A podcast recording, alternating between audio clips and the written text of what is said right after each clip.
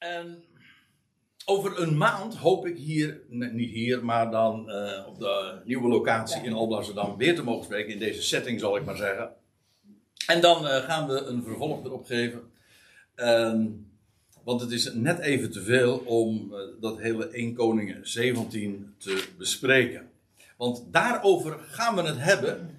Een hoofdstuk in het boek De Koningen.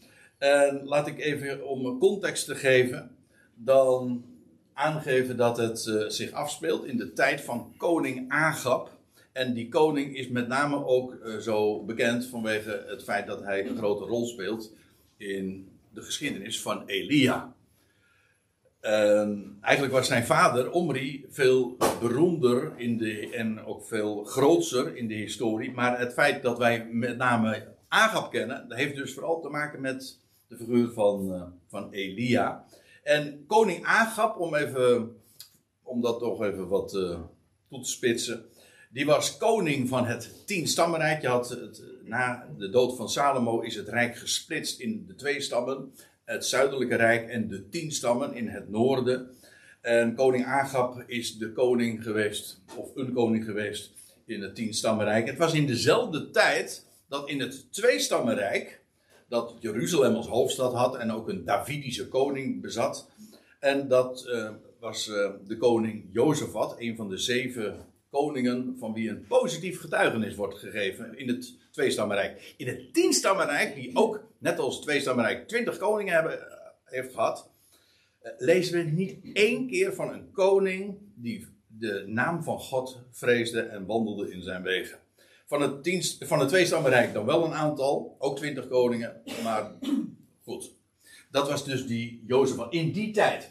En ik heb hier een heel mooi plaatje. Art, je kent hem vast wel. Ja, want Art is uh, de, de, designer hiervan. En ik heb ooit een hele serie uh, bijbelstudies uh, hierover gegeven. En ik ben heel erg blij dat Art dit toen ook heeft gemaakt. Het is een deel van die tijdlijn. Die begint dan bij Adam kunt hem trouwens op de website ook uh, gewoon downloaden. Echt in, ook in groot formaat kun je hem uitprinten. Ik heb hem, uh, wij uh, hebben hem ook in huis hangen. Op het toilet, ja. ja, ik, ik zat even te aarzelen, zal ik het zeggen, maar. Dat zijn wel van die momenten dat je echt de tijd kunt nemen om te gaan studeren. Dus die tijdlijn die ken ik helemaal in mijn hoofd. Nou, nee, het, uh, het, het, geeft wel tractie natuurlijk. Want, uh, nou ja. Uh, maar in ieder geval in, in groot formaat. En ehm, dit is dus de, dit, de, de, lijn die je hier ziet. Dat is een periode van 500 jaar. En die begint in het jaar 3000. Dat is het jaar dat de. gerekend vanaf Adam. Hè? Maar dan in het jaar 3000, dat is het jaar dat dat Salomo de, de tempel uh, voltooit. En ook trouwens niet alleen de tempel, maar ook het paleis. En dat is dan weer pal precies 500 jaar na de uittocht uit Egypte. Het zit allemaal geweldig in elkaar. Maar ook als je vanaf het jaar 3500 jaar verder rekent, dat is precies ook weer het jaar dat het einde van de 70 jaren ballingschap en dat onder leiding van Kores de tempel herbouwd wordt en, en Jeruzalem ook herbouwd wordt. En in die tussenliggende 500 jaren ja, heb je dus uh, en de ballingschap, het einde van de ballingschap, uh, zoals u dus ziet. En ook die hele periode van Salomo tot aan uh, ja, de val van Jeruzalem. Een twintigtal koningen hebben toen dus over en Juda en over Israël, de tien stammen, geregeerd. En dan uh, waar wij ons nu vanmorgen mee bezighouden, dat is die periode, dat is dan ergens in, een, in, het, uh, in de, wat zeg je dan? In de 31ste eeuw, nee, de 32ste eeuw moet je dan zeggen natuurlijk. In, uh, in ieder geval 3100 zoveel, dat Agab regeerde en dat uh, Jozefat regeerde en dat Elia, het optreden van Elia en ook trouwens van zijn opvolger Elisa, daar ongeveer moet u plaatsen. Dat is dus ruim 100 jaar na de, naar de voltooiing van de tempel. Dus om een klein beetje een idee te hebben wanneer zich dat afspeelde. Oké, en dan lees je, en laten we meteen maar, of zo gauw mogelijk, de koe bij de horens vatten. dan lees je in 1 Koningen 17, vers 1. En ik lees uit de NBG-vertaling. En als ik daar wat van afwijk, dan, eh, dan licht ik dat vanzelf wel toe. Ton zeide de Tisbiet Elia. En als hier staat uh, ton, geeft, dan is dat natuurlijk ook een tijdsaanduiding. En het is dus in de tijd van koning Agab, maar dat had u al begrepen inmiddels. Uh, van hem lezen we in een paar versen voor, hieraan voorafgaand, in vers 33 van het voorgaande hoofdstuk, de God van Israël. Hij krenkte de God van Israël meer dan alle koningen van Israël die voor hem geweest waren. Die anderen deden dat ook, maar hij spande de kroon daarin. Dus in die zin was hij wel echt uh, een, een, hele slechte. En daar worden trouwens ook allerlei voorbeelden gegeven van wat hij allemaal dan deed. En dat had te maken ook onder andere met eh, de vrouw die hij getrouwd had, Izebel, die een hele krachtige persoonlijkheid is geweest, maar een buitengewoon slechte invloed op hem heeft gehad. En uh, ook de goden uit het buitenland heeft uh, geïntroduceerd. En uh, in het voorlaatste, nee, in het laatste vers van hoofdstuk 16, dus Paul voorafgaand aan hoofdstuk 17, dan lees je nog dat, heel eigenaardig, dat in die dagen ook Jericho herbouwd werd. En dat had ooit Joshua al voorzegd. En die had gezegd dat, u weet, in de dagen van Joshua, toen het, toen het volk ingetrokken, uh, over de Jordaan was getrokken en, en Jericho als eerste stad had ingenomen, dan de hele stad was verwoest. En toen dan lees je dat Joshua een profetie uitspreekt en dat als Jericho zou worden herbouwd, dan zou dat ten koste gaan van de eerstgeboren zoon van degene die dat deed. En, uh, en, en trouwens ook van de tweede zoon. En bij de, hoe lees je dat dan precies? Al bij de, bij de, bij de bouw van het fundament, bij het leggen van het fundament zou de eerstgeboren zoon sterven. En uh, bij het uh, herstel van de poorten, of bij de bouw van de poort, zou de tweede zoon sterven. En dan lees je in ditzelfde vers, uh, nou laat ik het maar gewoon lezen. Uh, in zijn dagen herbouwde de Betheliet Giel uh, Jericho ten koste van Abiram, zijn eerstgeborene, grondvestte hij het. En ten koste van Segub, zijn jongste, plaatste hij haar poordeuren. Naar het woord van Yahweh dat hij gesproken had door de dienst van Jozua, de zoon van Nun. Dus dit was uh, hoeveel jaar dan uh, eerder? Nou, ook wel, dus ongeveer 500 jaar later, zeg ik goed. Uh, nadat Jozua dit had uitgesproken, is het ook exact zo gegaan. En ik denk trouwens dat hier ook heel veel typologie in, in ligt besloten. Namelijk dat de, deze wereld, waar Jericho een beeld van is, hersteld wordt. Jawel, maar dat gaat wel ten koste van de eerstgeborenen. En denk maar even door, wie is de eerstgeborene? Dus uiteindelijk wijst dit vers ook weer naar de, naar, ja, de eerstgeborene in de Bijbel. De eerstgeborene van alle dingen. Maar goed, uh, dat is dus het laatste vers van hoofdstuk 16. En dan lees je dus, toen zij toen, dus in die tijd, uh, zeide de, de Tisbiet, Elia Tisbiet wil, wil gewoon zeggen dat hij uit, uh, ja, dat hij uit Tisbe kwam. En dit is de eerste keer dat de naam van Elia wordt genoemd.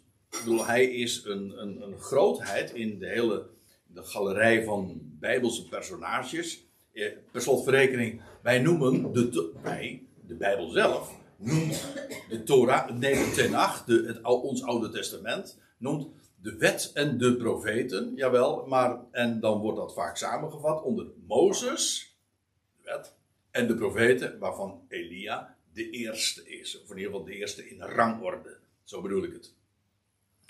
En Mozes en Elia, dat is trouwens sowieso een, eh, een duo dat we nog wel eens een keer uh, tegengekomen in de Bijbel. Maar in ieder geval, dit is de eerste keer dat de naam van Elia valt. En hij komt dus uit. Uh, hij wordt heel vaak, of zo goed als altijd zelfs, in de beschrijving genoemd de Tisbiet.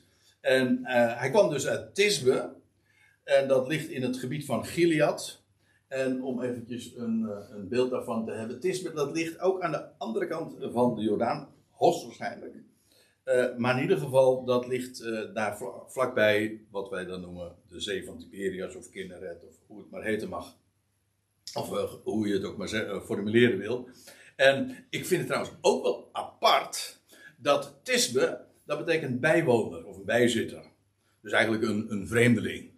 Daar zit al de gedachte in besloten, waar ik het, de titel eh, eigenlijk ook al zo van spreek. Elia buitenlands. Elia gaat naar het buitenland. En als je in het buitenland bent, ja, dan ben je dus daar een vreemdeling.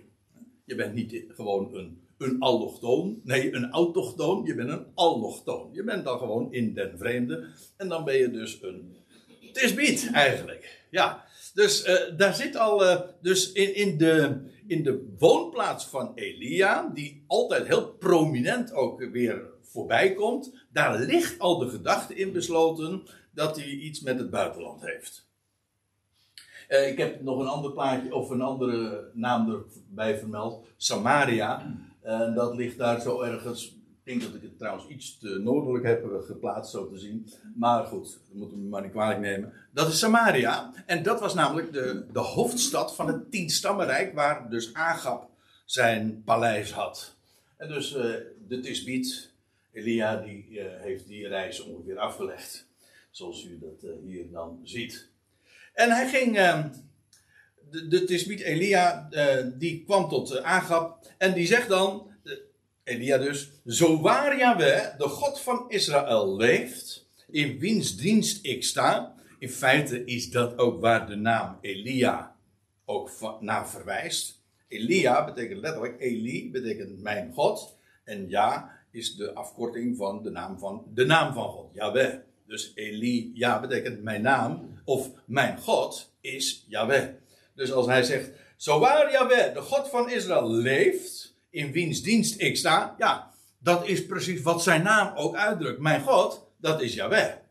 Wel en wel de God van Israël.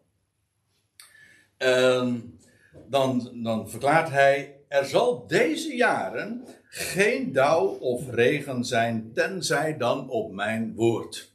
Ehm, geen, eh, geen dauw, geen mist.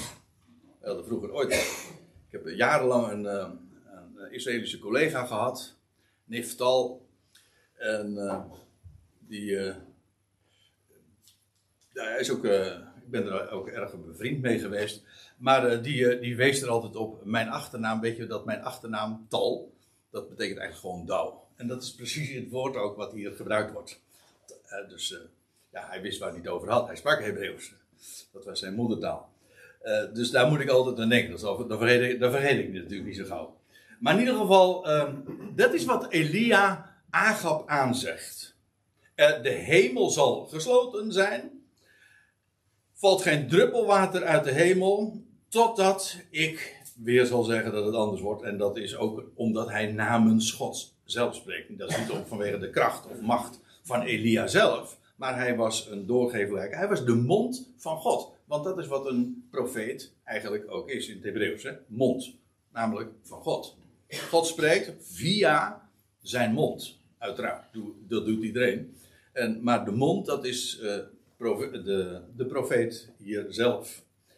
En, en ik, ik, ik wil er in dit geval ook op wijzen. En dat zal ik nu eh, deze Bijbelstudie, maar ook over een maand, Deo Volente, ook doen. Namelijk eh, op de typologie. Dat wil zeggen, de, de, de, de diepere laag onder deze geschiedenis. Want dit is natuurlijk niet alleen maar een geschiedenis. En het heeft ook niet alleen maar, ik ontken dat niet, maar eh, eh, lessen voor wat, wat dat voor ons als gelovigen betekent. Maar het verwijst bovenal naar, naar de plannen van God. Maar ook naar allerlei, eh, het heeft verborgen heenwijzingen. In dit geval, Israël is in diep ongeloof. En de hemel is gesloten. Die uitdrukking wordt trouwens in dit verband eh, zelf ook genoemd. We zullen hem later nog tegenkomen. De hemel is gesloten en Israël is ongelovig als nooit, te, als nooit tevoren. Nou, eh, alleen deze gedachte al eh, zou je op het spoor moeten zetten van waar dit een beeld van is. Namelijk van in feite de huidige tijd ook. Waarbij Israël inderdaad eigenlijk, ja, dat is in het Nieuwe Testament een van de uitgangspunten. Israël heeft aan Messias verworpen. En God maakt nu een omweg, inderdaad, naar het buitenland. Hij gaat naar de natieën. En in die tijd ja, is de hemel gesloten. Trouwens, dat had uh, uh, Mozes al gezegd in het boek Deuteronomium. Eigenlijk ook weer via, uh, via Mozes was gezegd van... in die dagen dat jullie de, de, de naam van God zullen verwerpen en zijn woord je daarvan zullen ontdoen. Als dat gebeurt, dan zal de hemel worden als van koper. En die zal zich afsluiten. Letterlijk, maar ook figuurlijk. Dat wil zeggen, je kunt bidden wat je wil, maar het, dat zal dan niet aankomen. Dat is ook heel. En God, dat is de uitdrukking die in dat verband zo dikwijls gebezigd wordt: van uh, dat de Heere, Jaweh, zich zal verbergen.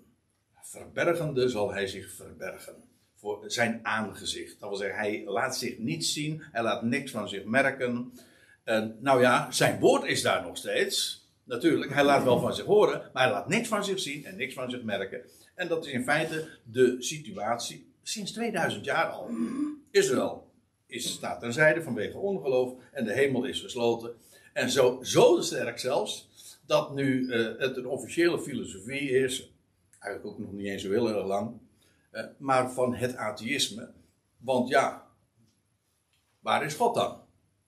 Hij laat niks van zich merken, dus hij zal dood zijn of, of welke verklaring je daar dan ook aan geeft. De God, je hebt zelfs een theologie die zo heet, hè? de God is dood theologie.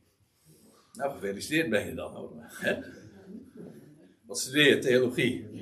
Oh ja, wat is dat? Nou, dat, die houdt zich bezig met God. En wat is daarmee? Nou, die is dood. Nou, oké.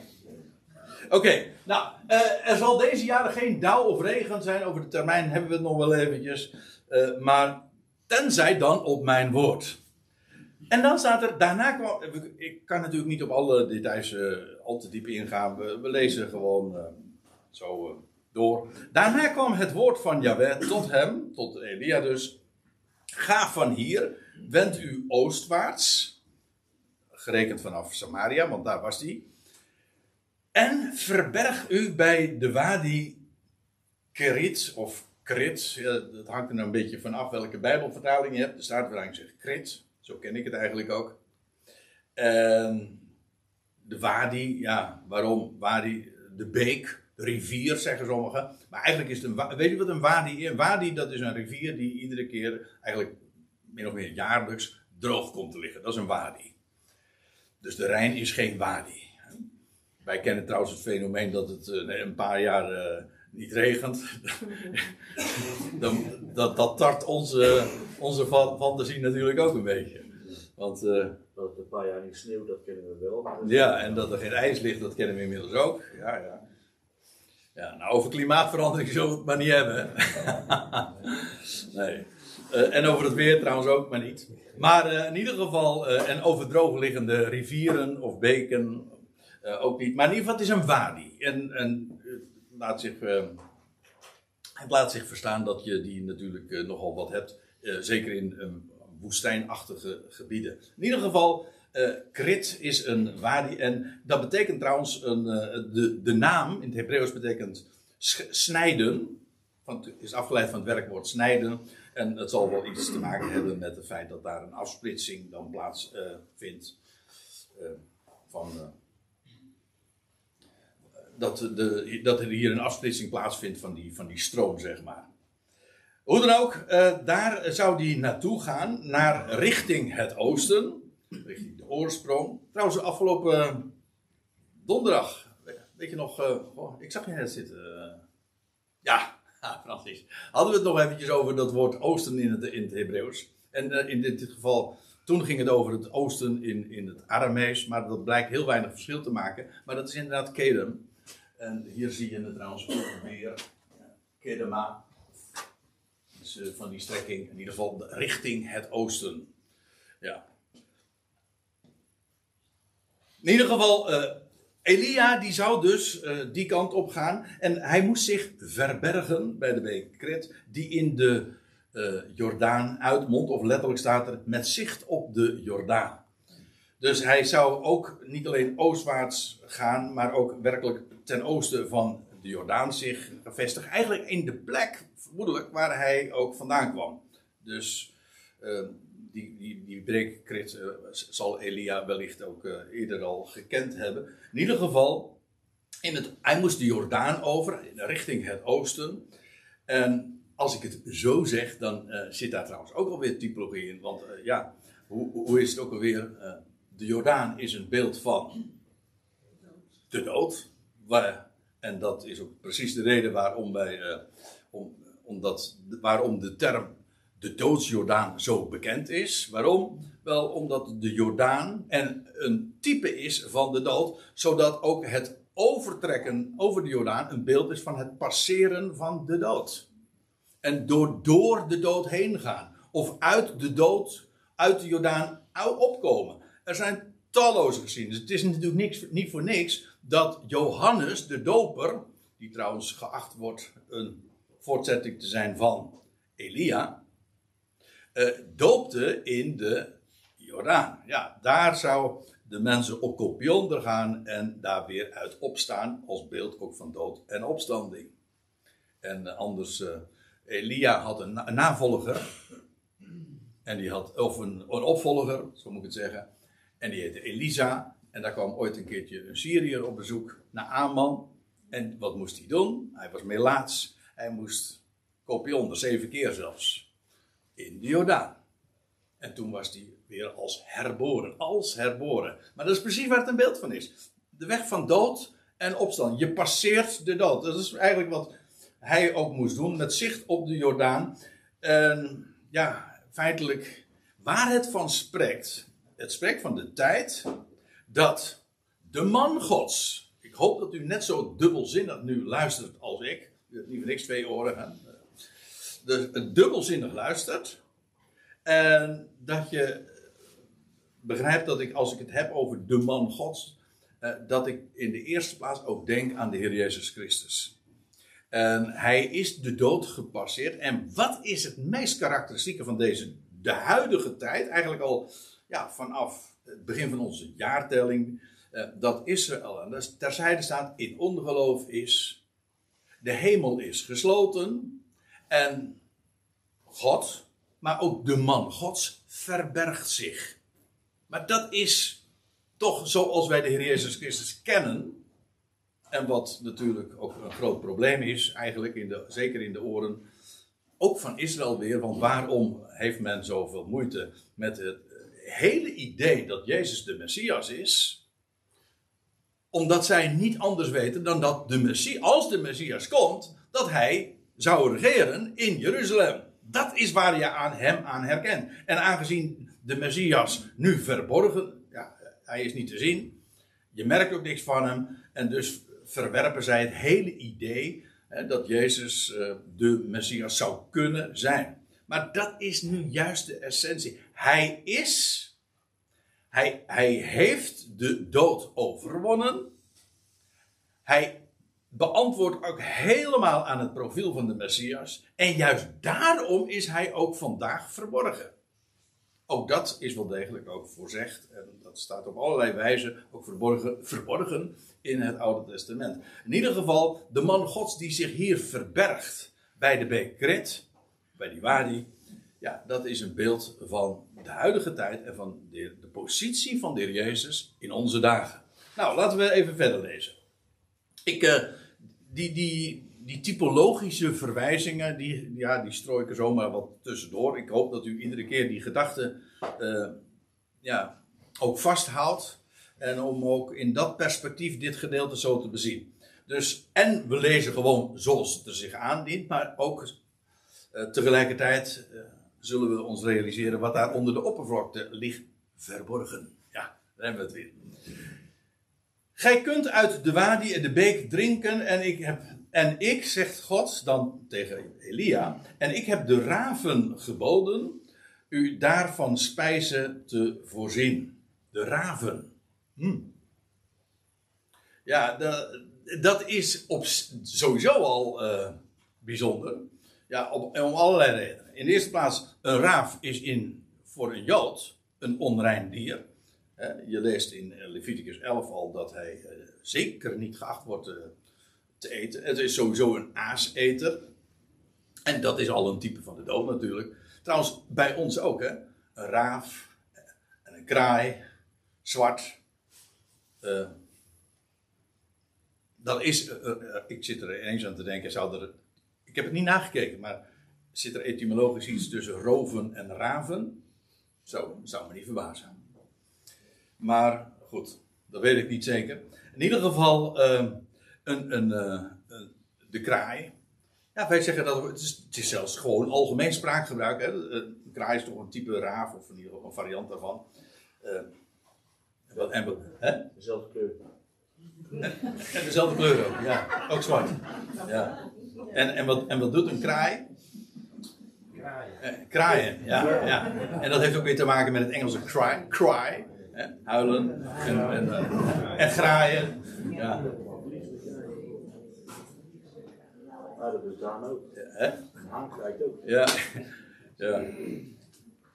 Ik, ik, even, even tussendoor. Ik vond het, het is misschien te grappig om niet te vertellen. Wij waren, ik was ooit op bezoek als klein ventje bij een man uh, in, uh, in Amstelveen. Die was in een, uh, in een tehuis van, van de demente bejaarden. Maar hij had een, een, helder. Ja, die man die had, was ooit had hij gewerkt bij de Rabobank. En, uh, nee, ja, ja, nee, wacht even, nou moet ik het even goed zeggen. En toen zei hij, uh, ja, dat, ja, en toen, nou, hij, toen zei hij zo van, hij, hij, had echt een helder moment, want ik vond het op zich, ik vond het wel een leuke associatie die hij maakte. Want hij zegt van, ja, hij, hij moest er niks meer van hebben, want er was, het was fout gegaan. Ik, ik, weet niet hoe het precies was, maar in ieder geval, ja, want dat, is, dat was de Rafijze bank, hè. de Rabo was een Rafijze. En daar zit raaf in. En, en je weet wat de raaf doet, hè? Graaien. Nee, dus hij, daar moest hij niks van hebben. Dus. Zo de mens was Hè? Zo de mens was Ja, dus uh, ik, vond, ik vond het helemaal niet zo'n gekke uh, associatie. Maar goed, uh, raven, laten we eventjes ter zake blijven. Is eigenlijk, we komen ook tegen in de geschiedenis van de, vlak na de zondvloed Eerst de raaf die uitgelaten en dan blijkt er nog geen leven te zijn. En dan komt er vervolgens een duif. Dat is eigenlijk het tegenovergestelde, met een tak in zijn mond, een olijftak. En ja, dat is een aankondiging van leven. Maar een raaf is eigenlijk dus uh, ja, een type van de dood. Ja, maar waarom het hier zo bijzonder is, nou wat God doet, God, wat God doet is, ik heb de raven geboden, die normaal eigenlijk alleen maar stelen. En bovendien aas, de, dood, de dood, uh, ja, eigenlijk geassocieerd worden met dood. Wat gebeurt er hier? Wat God aankondigt is, ik heb de raven geboden, u, daar, u daarvan spijzen te voorzien. En met andere woorden, de dood, de raaf, brengt leven voort. Of houdt in leven, houdt leven in stand. Zodat dat hele idee, waar we het net al even over hadden, over de Jordaan. En alles in de Bijbel getuigt van de overwinning op de dood. Letterlijk, gewoon expliciet, maar ook in beelden van de Jordaan, maar ook in rituelen. En in dit geval een raaf die eten brengt, dagelijks, s'morgens en s avonds, we zullen dat straks nog zien. Ja, dat, dat spreekt ook van de dood. Ja, maar die moet, wordt ingezet door God om leven voort te brengen. Met recht te brengen. Staat dan niet juist alles daar in het teken van leven? En daardoor staat het in. Ja, precies. De overwinning namelijk op de dood. Ja, dat is waar het eigenlijk van spreekt. Dus het gaat eigenlijk niet zozeer om de dood, maar over de overwinning op de dood. Gij, en dan staat er in vers 4: Gij kunt uit de beek uh, drinken. Uh, ja, gij kunt, uh, gij kunt dan uit de beek drinken. En ik heb de raven geboden u daarvan spijzen te voorzien. En ja, dat vind ik prachtig, want God, er staat: Ik heb de raven geboden u daarvan spijzen te voorzien. En dat betekent niet dat de raven nu een last kregen en zeggen: Ja, nou moesten wij dat. Nee, als God namelijk dat gebiedt, dan, dan voorziet hij ook. Dan zorgt hij ervoor dat die raven precies doen waar hij ze, toe zendt. En ze doen eigenlijk iets volstrekt onnatuurlijks. Dat doet er nou, namelijk normaal gesproken helemaal niet. Nee, maar uh, als Gods woord is krachtig genoeg om te realiseren dat waar hij het toe zet.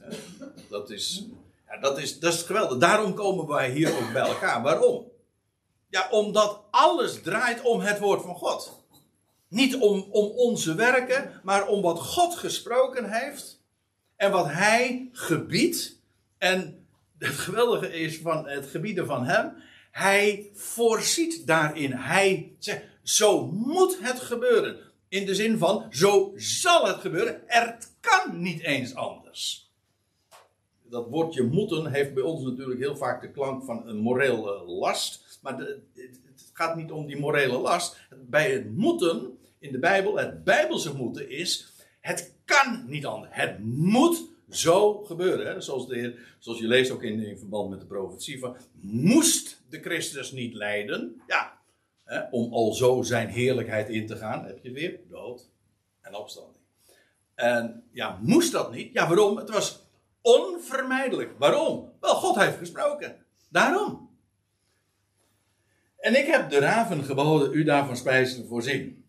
En dan staat er, gij kunt uit de beek drinken. En ik heb u de raven geboden. En u daar, want je, kunt, je kunt op al woorden altijd uh, ja, uh, zo speciale nadruk leggen. Maar ik vind het zo mooi om, om, om het eventjes zo te lezen. En ik heb de raven geboden, u daarvan spijzen te voorzien. Het idee is dus uh, nergens anders. Er, op een andere plek ja, had, had daar geen leven geweest, maar omdat God het daar gebiedt, is daar leven te vinden. En dat is, uh, dat is een blijde boodschap. Maar het geeft ook dat het uniek is. Overal elders is het in ieder geval niet te vinden. God wijst het ook heel specifiek aan. Daar, daar bij, die, bij die splitsing, daar bij de krit. En daar zal dat gebeuren. En dan lees je, daarop ging hij, Elia, heen. En hij ging naar het woord van Yahweh. Uh, en hij deed naar het woord van Yahweh. En hij ging verblijf houden bij de Wadi Krit. Met zicht op de Jordaan. Ja, en nou, ik, ik wil graag nog eventjes de puntjes op en i zetten. Uh, om, uh, voor de typologie. Dus de man gods. Want zo wordt Elia zo dikwijls genoemd. Net zoals Elisa ook. De man gods. Uh, ja, in onze dagen. Wat kun je van hem zeggen? En waarin zie je de parallellen met Elia? Nou, Israël is in ongeloof. De hemel is gesloten. Maar ondertussen geniet de man gods goddelijk leven. Ja, in de, inderdaad voorbij de dood. Aan de andere kant van de Jordaan. Maar ook hij ontvangt leven. Hij, dat leven wordt onderhouden. Ook weer door raven. Ook een type van de dood. Dus de dood brengt leven voort. De dood wordt overwonnen. En, en dan nog een kenmerk. Het spreekt van leven. Alleen daar. Moet eraan denken aan, aan Colossense 3 van bedenk de dingen die boven zijn, waar Christus is. Verborgen ons leven. Ja, waar anders is leven? Nergens anders. Echt leven is niet hier op aarde te vinden. Ik, uh, het is niet de eerste keer dat ik het zeg, maar ik herhaal het graag. Wat wij hier leven noemen is geen leven. Dat is sterven. Wij zijn bezig dood te gaan.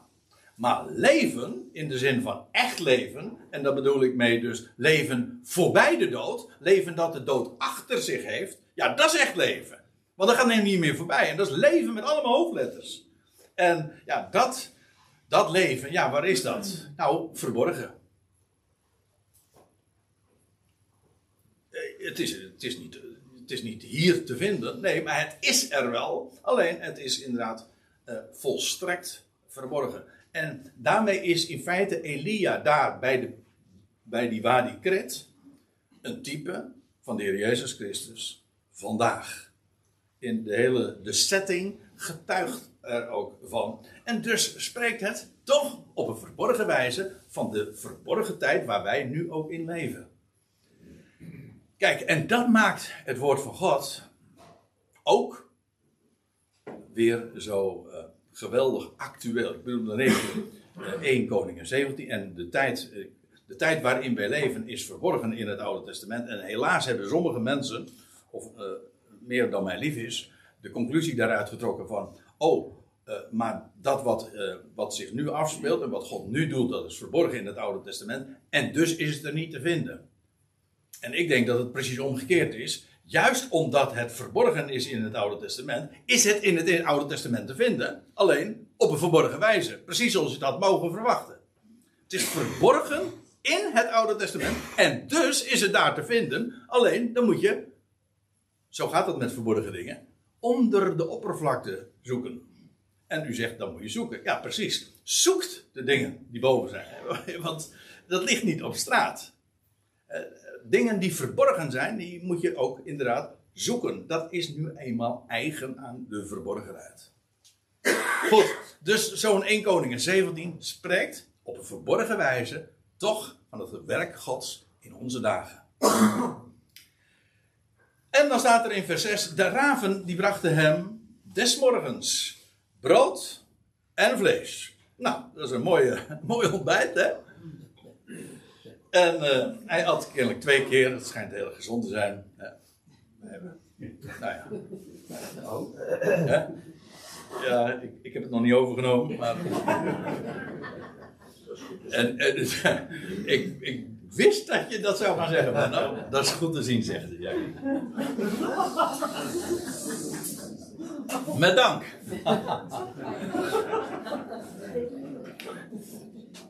Oké. Okay.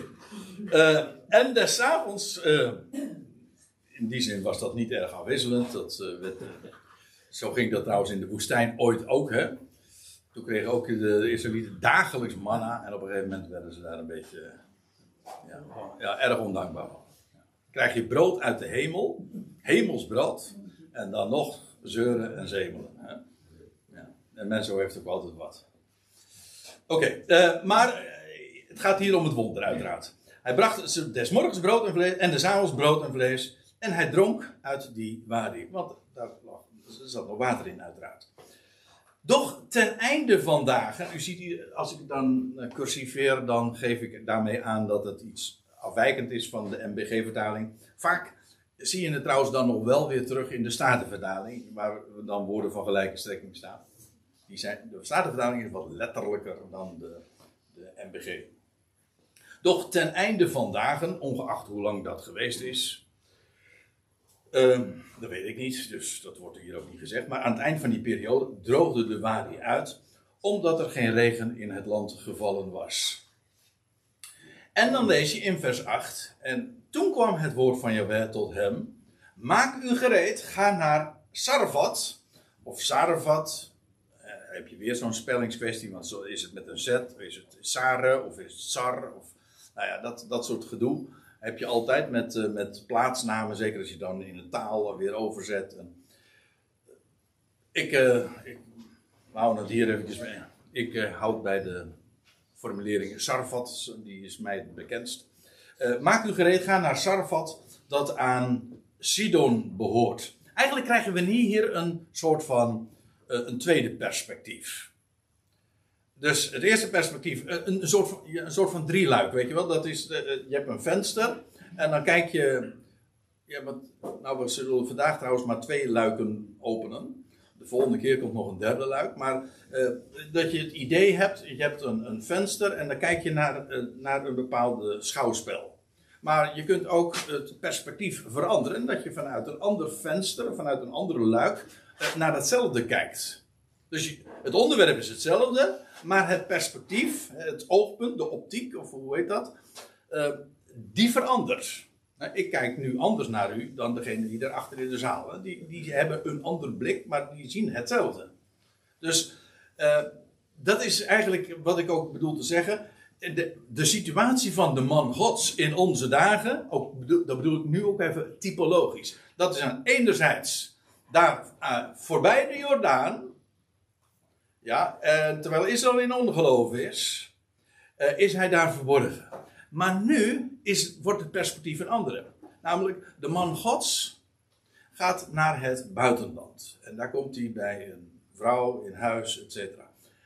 En ook dat spreekt van de tegenwoordige tijd. Alleen op een andere wijze, want we praten hier over beelden, over, over een ding, eh, over een situatie die, waar, die een uitbeelding is van. En nou ja, dan wordt er tegen Elia dit gezegd. Maak u gereed, ga naar Sarfat, dat aan Sidon behoort. En om nog eventjes de kaart erbij te nemen. Ik eh, wees u al op Tisbe en op Samaria. Dan heb je Tyrus en Sidon, dat is in het huidige Libanon. En daartussen ligt ergens Sarfat. Tyrus en Sidon, die plaatsnamen zijn natuurlijk eh, erg bekend. Eh, tot op de dag van vandaag trouwens. En, en Sarfat ligt uh, ergens daartussen aan de kust van de Middellandse Zee. En het, en het, behoort aan het gebied van Sidon. En dan wordt tegen Elia dit gezegd: en houdt daar verblijf. Dus aan de ene kant was zijn verblijf daar aan de beek Krit. En nu wordt zijn verblijf een andere, en wel in het buitenland, daar in Sarfat. En zie, ik heb daar niet op een andere plek. Nee, ik heb daar een weduwe geboden u te verzorgen. Ja, um, ook in feite is die dezelfde formulering weer als die we zojuist aantroffen. Eerst was het, ik heb de raven geboden daar voor jou, jou in leven te houden, om uh, eventjes in mijn eigen woorden te zeggen. En nu, ik heb een weduwe geboden, dus of, of ik gebied haar, had de Heer het al tegen haar gezegd of zo? Of, of God zegt gewoon van, ik, ik, mijn woord staat ervoor garant dat dat gaat gebeuren. Als, als je het helemaal parallel neemt met wat er met die raven gebeurde, dan zeg ik van, ja, dat is de gang van zaken. Dit wordt gewoon aangezegd. Nou, zo zal het gaan. En houd daar, houd daar verblijf. Uh, zie, ik heb daar een weduwe geboden u te verzorgen. En ik vind, ik mag hem niet onthouden, want we hebben een commentaar van de Heer Jezus op deze geschiedenis in het Nieuwe Testament. En wel als de Heer Jezus in de synagoge van Nazareth is. Dan bevindt hij zich dus in zijn eigen vaderstad. En uh, dan lees je dat, hij, dat is een prachtige manier uh, wat, hij, wat hij dan doet. Hij loopt dan naar voren en dan leest hij een passage uit het, uh, de boekrol van Jezaja. En abrupt, midden in een zin, stopt hij. En dan geeft hij de rol weer terug aan de, aan de, aan degene die daar dienst deed. En hij ging, op en hij ging weer zitten op zijn plaats. En dan lees je dat de hele synagoge die keek hem aan. Zo, nou, en nu? En ze zeggen, nou, heden zijn deze woorden voor uw oren vervuld. Of woorden van gelijke strekking. Nou, en dan lees je, en nou lees ik even uh, in Lucas 4. Uh, want de afwijzing was duidelijk. Dan, dan, zegt hij, doch hij zeide, Jezus, voorwaar, ik zeg je, geen profeet is aangenaam in zijn vaderstad. Daar zijn heel veel voorbeelden van. In je eigen familie, daar kennen ze je, zeker in je eigen familie niet, in je, maar ook in je, eigen, je eigen omgeving, waar je groot geworden bent, waar ze je allemaal kennen. Uh, daar, ja, als je dan aankomt met, van, uh, met het woord Gods en dat je een profeet bent, dat denkt hij wel. Hij is gewoon de zoon. Dat lees je ook er, er, ergens anders van. Hm, zo, is dat niet de zoon van de timmerman? Wat voor beeld die gast die zegt. Zo, zo hebben ze geredeneerd. En, en dan zegt de Heer ook van. Uh, ja, geen profeet is aangenaam in zijn vaderstad. Uh, met andere woorden, dat is, uh, dat is de, gebruikelijke gang van zaken. Doch ik zeg u, naar waarheid. Er waren vele weduwen in de dagen van Elia in, in Israël. Uiteraard, dat is sowieso het geval. Maar, zegt hij, uh, wanneer was dat? Toen de hemel drie jaar en zes maanden lang gesloten bleef. Had u al gewaarschuwd, hè? Die, de hemel gesloten. Nou, dat is de formulering hier. Hier wordt ook de termijn genoemd. Drie jaar en zes maanden. En nu denk ik, breek me de bek niet open. Hè? Want waar komen we die eh, termijn allemaal niet tegen? Want inderdaad lees je al dat het drieënhalf jaar, uh, dat lees je al in het boek Koningen. Dus als de Heer Jezus dat hier zegt, drie jaar, zes maanden, dan, dan bedenkt hij dat hij niet hier, daar ter plekke. Dat staat namelijk in het boek Koning al. En die termijn wordt elders ook genoemd, 42 maanden, ook 1260 dagen.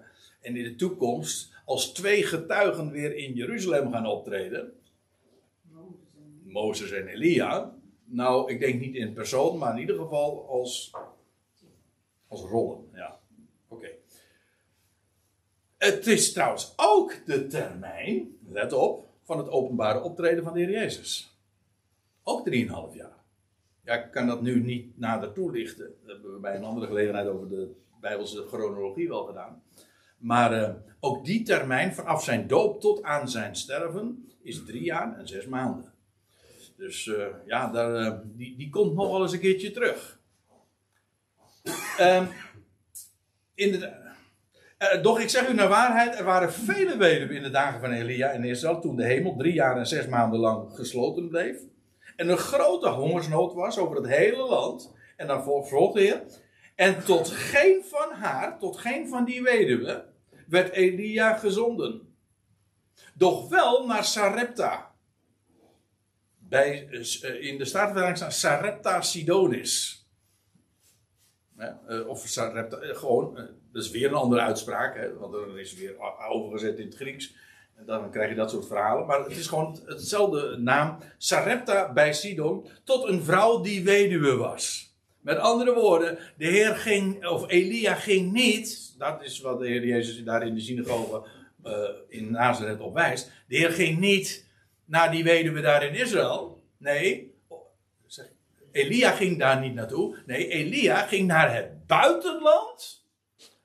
Buiten Israël. En daar bezocht hij of daar hield hij verblijf uh, bij een weduwe. En dan vervolgt hij. En er waren vele melaatsen in Israël ten tijde van de profeet Elisa, Elia's opvolger. En geen van hen werd gereinigd. Doch wel naar Aman, de Syriër. Maar over hem hadden we het al eventjes. En dan lees je. En allen in de synagoge werden met toren vervuld toen ze dit hoorden. Want de boodschap is natuurlijk helder. Niet hier, eigenlijk wordt hier al gewezen niet in Israël, maar in het buitenland. Of hoe zei, hoe zei Mozes dat ook alweer? Bij monden van Mozes was al gezegd: Ik zal u, jullie, jaloers maken op een, door, op een heidens volk. Nee, op een, eh, dat geen natie is. Ja, dat wil zeggen, het, het, komt, het komt de man Gods naar, gaat naar een plaats. Niet naar jullie, maar naar een ander waar, waar, jullie, waar jullie met verachting op neerkijken. Maar in, en, de, en jullie worden gepasseerd en dat zal daar naartoe gaan. En dat is de, de, de vrevel, de, de nijd, de jaloezie uh, die, uh, die dat opwekt. Dat is logisch. Dat Gods woord nu onder de natieën is geworden. En dat als Israël wil horen, dan moeten ze eigenlijk in het buitenland wezen. En dat is ook precies de reden waarom ze verstrooid zijn onder de natie. Ja. Oké. Nou, laten we even verder gaan in de geschiedenis. Daarop maakte hij zich uh, gereed. Ik, we zijn weer terug in 1 Koningen. Elia maakte zich dan gereed. En hij ging naar Sarfat. Toen hij bij de stadspoort kwam, zie, daar was een weduwe bezig hout te sprokkelen. Hoe hij kon zien dat het een weduwe was, ik denk dat zal ook wel te maken hebben met de, dezelfde kleur als, die van de raven, weet je wel, de, dood. Misschien in het zwart gekleed, ik weet niet, ik zit nu te fantaseren hoor, maar goed. Hij, hij zag daar een weduwe bezig en ze was bezig hout te sprokkelen. En, en een, in het algemeen, uh, een weduwe in de Bijbel, ja, sowieso. Kijk, een weduwe is een vrouw die haar man verloren is. Maar dat is ook weer typologisch voor de huidige tijd. Ja, u zegt, dat heb je nou een paar keer gezegd, ja, maar iedere keer is de route toch weer een andere. Want waar, wat bedoel ik daarmee? Wel, Israël is het volk van God. Daar is de Heer mee getrouwd en de man is gestorven. En als u die gelooft, dan moet u dat maar eens in Romeinen 7, 2, vers 2 lezen. En Israël is haar man kwijt. En het oude verbond is daarmee ook ten einde. Alleen, ze heeft, er komt een tijd dat zij opnieuw, dat er een nieuw verbond gesloten zal worden. Maar dan is het niet langer meer de weduwe, dan is het de, de bruid. Zij zelf trouwens ook helemaal hernieuwd, herboren. De Jordaan overgegaan en zo. Nou ja. Eh, maar in ieder geval, eh, een weduwe spreekt inderdaad van de tijd waarin Israël haar man kwijt is. En ook in, de- eh, in deze is dat de typologie. Oh, ja. Nee, ik, ik, het voert nu echt te ver, want ik, ik ga dit di- diaatje nu eh, skippen. Dat moeten we dan maar voor de volgende keer eh, bewaren. Want we- weet je nog, eh, Gerard, dat we het afgelopen donderdag even hadden over allerlei. eh, over Bijbelse onderwerpen. Toen, toen ging het over twintig verborgen. Nee? eh, hè? Oh ja, twintig dromen in de Bijbel. En toen heb ik ze allemaal eventjes eh, genoemd. En nu wilde ik even negen ne- weduwen in. De, de negen weduwen in de Bijbel noemen. Maar ik ga, ze, ik ga het even gauw passeren, want nee, ja, nee, eh, dit diaatje bewaar ik voor een later tijdstip. Ja. Ja. En ehm, ja, want het voert echt te ver. Eh, er zijn dus nogal wat voorbeelden van. En dan staat er, hij riep haar, die weten we dus, naar haar toe. eh, hij riep haar eh, toe en zei, haal mij toch in een kruik een weinig water, opdat ik drinken. Toen zij het ging halen, dus ze luistert gewoon naar het woord. Het vertrouwen was daar meteen. En u zegt, maar ze luisterde gewoon naar die man. Eh, ja, oké, maar oké, we zullen zien dat dat eh, straks ook zich herhaalt. En toen zij het ging halen, riep hij haar na en zei: Breng mij ook een stukje brood in uw hand. Zo staat het er letterlijk. Een beetje brood, een stukje brood in uw hand. Breng mij dat ook. Ja. Ze zeggen wel eens: geeft een vinger hè, en zo. Eh, maar dit roept ge- geen wantrouwen eh, op bij die vrouw, dat blijkt. Eh, want dan staat er. En daarop zeide zij, dat is haar tegenwerping. Zo waar Jaweh, uw God leeft. Dat wist zij dus ook. Hé, hey, genadig. Heeft. Ja, dat denk, ik, dat denk ik nu ter plekke aan. Ik bedoel, je- tegen Elia was al gezegd: Ik heb een vrouw u geboden eh, zorg te dragen. Dus die vrouw wist ook wat haar, eh, wat haar te wachten stond. Dus eh, kennelijk was haar dat haar al vooraf duidelijk gemaakt. Zo waar je bij uw God leeft, ik heb geen broodkoek, maar enkel een handvol meel in de pot en een weinig olie in de kruik.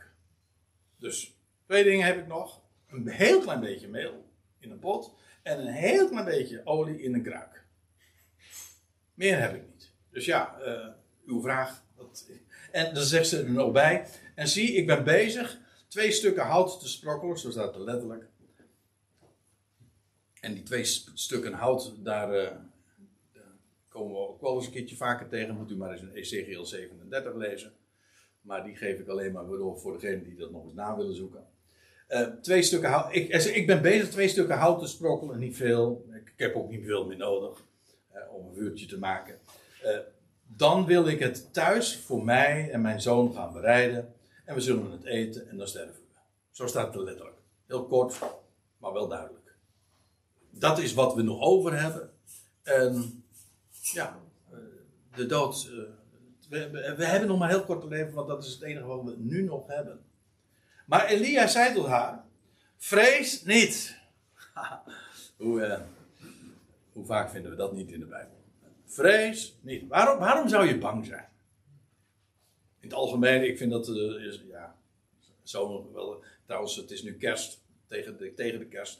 En daar zal vaak eh, over gesproken worden, juist wel in verband met het, het zogenaamde kerstverhaal. Ik heb er moeite mee om het zo te noemen, maar goed. eh, met het zogenaamde kerstverhaal wordt dat natuurlijk nog eens een keer gezegd. Vrees niet. Het wordt tegen Jerdus gezegd, het wordt tegen Maria gezegd. Als, eh, ja, maar waarom zou je ook bang zijn? Als er een God is, die alles in zijn hand heeft, die gesproken heeft, en wiens woord leven geeft en brengt en in stand houdt, echt leven, wat, wat zou een mens bang zijn? Bij- God gaat er nooit iets mis. Alles gaat naar zijn plan. Dus waarom zou een mens bang zijn? Je kan wel, het gaat er niet om dat je niet bang mag zijn. Als je bang wil, nou ga je gang. Maar je hoeft niet bang. Vrees niet. Er is geen enkele reden om bang te zijn. Als je een God kent, waar eh, Ton net nou naar verwezen en waar we naar over zongen. Hè? We hebben een rots. Daar kun je op staan, daar kun je op bouwen. Je kunt er ook op gaan liggen als je moe bent. Die rots wankelt niet. En dat is zo'n absolute zekerheid. Eh, Je wordt tegenwoordig ook doodgegooid. Ja, ik, zeg ja, doodgegooid met recht. Hè? Met rotsen? Nee, je moet, je moet me even uit laten praten. Ja, jij is toch wel verleden. Nee, maar ik wou zeggen, eh, met, ook met allemaal verhalen eh, van de week. Eh, heb je dat gelezen over dat, er was een onderzoek gedaan door de EO, moet je nagaan, eh, over de, eh, hoe noemden ze dat? De relevantie van Jezus. En eh, ja, de Nederlanders hadden daar geen hoge pet meer van op en dat werd steeds minder. Jezus was niet relevant meer. En toen kreeg je de commentaar, las ik, van de hoofdredacteur van de EO, Tom Mikkers heet hij. Die man gelooft niet eens in de opstanding van Jezus Christus. Ja, echt. Dat is een EO, dus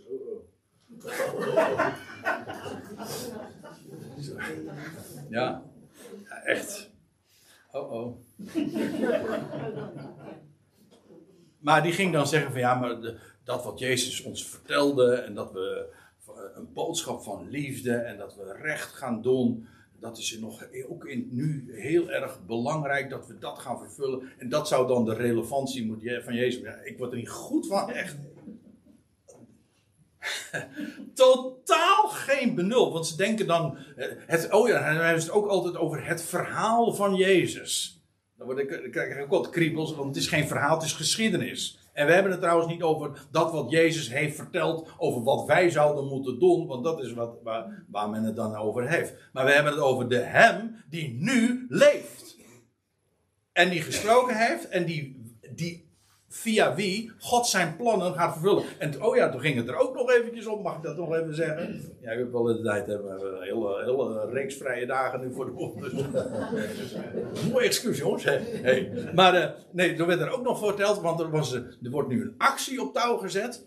Dat heet geloof ik eh, ehm, Project 2033. Omdat het dan 2000 jaar geleden is dat Jezus eh, misschien, of dat het verhaal gaat dat hij opgestaan is. Want zo zal het dan ongeveer verteld worden. Ja, bizar. Maar, eh, maar totaal geen benul dat die 2000 jaar te maken hebben eh, met het feit dat de termijn afloopt en dat, nou, dat Jezus dan echt relevant gaat worden, want dan gaat hij ingrijpen in deze wereld. Geen idee en benul daarvan. U zegt, ja, maar dat is toch logisch, want hij verbergt zich nu toch? Nou, inderdaad. Maar dat zelfs een omroep die geacht wordt juist daarvan getuigenis af te leggen, dat gewoon echt ontkent en daar volstrekt geen benul van heeft. Ja. Nou ja, oké.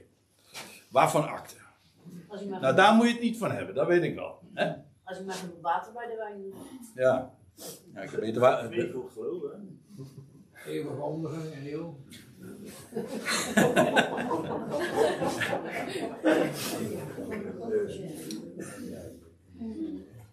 Nou, genoeg EO gebest. Eh, ja, eh, vrees niet, ga heen, ga, ga heen naar uw woord, dat wil zeggen, naar wat je gesproken hebt. Eh, bereid mij daarvan eerst een kleine, bereid mij daarvan eerst een kleine koek en breng bij de Heer. Let op, Elia vraagt dus niks, maar hij gebiedt in de, hij, in de wetenschap dat zij zal doen wat hij zegt. Want zoals God de raven had geboden, zo heeft hij ook deze vrouw geboden. Hij weet dat gewoon. En God vervult zijn woord. Dat is, zijn woord is ook zijn werk. Als hij spreekt dan er zij licht, dan moet er licht zijn, want dat kan namelijk niet anders. En daarom ook, er was licht. Kijk, dat is Gods woord. Daarom, ja, daarom zijn we bij elkaar. Gods woord is alles. Dat woord is licht, dat woord is leven, dat is alles. Nou oké, Eh, breng mij die hier en voor u en uw zoon kunt gij het later bereiden. Dus ook dat komt helemaal in orde, maar eerst hier.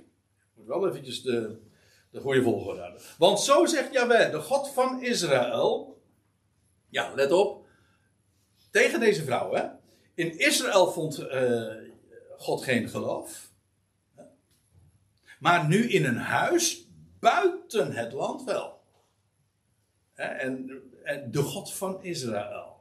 En ja, dit huis, laat ik, eh, de volgende keer zullen we daar zeker eh, wat eh, dieper op ingaan. Dit huis is een type, uiteraard van het huis Gods. hè, waar, waar het woord klinkt en waar gesproken wordt. Namelijk een type van de Ecclesia van de levende God. Zoals je daarover leest in 1 Timotheus 3. Oké, het meel in de pot, dat wordt gezegd. Het meel in de pot zal niet opraken. En de olie in de kruik zal niet ontbreken. Het is spreekwoordelijk nog steeds. Maar het is nog steeds de waarheid. Hè, Het kruikje van Zarvat. Dat spreekwoordelijk dus nooit opraakt. En dan heb je een klein beetje. Ja, maar God is een God van overvloed. En een klein beetje is nooit een. Is voor hem nooit een, eh, een verhindering. Integendeel. Daar maakt hij juist gebruik van. Van kleine beetjes. Van, van 300 man, weet je wel. Dus je begrijpt wat ik bedoel. Of van vijf broden, twee beetjes. Het stelt niks voor. Een slinger. In, in, in David's hand. Altijd maakt God. Dat is de wijsheid van God die, die juist dat wat voor de wereld dwaas is gebruikt en inzet. Een beetje kruik. Een beetje in die kruik en een beetje in, dat, die pot. Ja, maar het zal niet opraken. Nou, het, eh, de olie in de kruik zal niet ontbreken tot op de dag waarop Yahweh regen op de aardbodem geven zal. Of een stortbui, eigenlijk staat er letterlijk. Daarop ging zij heen en deed naar het woord van Elia. Dagenlang at zij, evenals hij en haar huis. Dat is eigenlijk een beetje vreemd. Dus alleen, we weten alleen maar van dat zij ook nog een zoon had. Daarover gaan we het de volgende keer eens hebben. Er gebeurt ook nog van alles mee. Maar eh, er staat ook nog bij. Zij, dus dagenlang at zij, evenals hij en haar huis. Wacht even. Eh, ja, daar kan ik maar één ding uit afleiden. Wie er ook maar daar in het huis waren, ze genoten er allemaal. Ze hadden allemaal genoeg. Dat was namelijk genoeg. Dat kruikje raakte niet op. Dus wie daar ook in huis kwamen en wie zij wilden. Ze konden dus ook nog gewoon mensen uitnodigen. En iedereen naar huis. Ze hadden allemaal eh, genoeg. En de Heer zegent.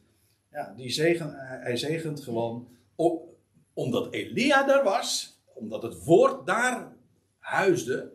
Zegende God dat huis. Onvermijdelijk. En onvermijdelijk en overvloedig. En dan staat er: het meel in de pot raakte niet op. En de olie in de, in de kruik ontbrak niet. Naar het woord dat hij door de dienst, door door de hand van Elia had gesproken. Zo had het God gezegd. En zo doet hij het ook. God is een God van overvloed. Hij geeft altijd genoeg. En al lijkt eh, dat van niet, al lijkt het eh, veel te weinig. God is eh, degene die daarvoor garant staat. En dat is, ja, die waarheid. En daar, eh, daar hoef je niet eens voor onder, onder de oppervlakte van de tekst te kijken. Die waarheid, die ligt zo voor het oprapen.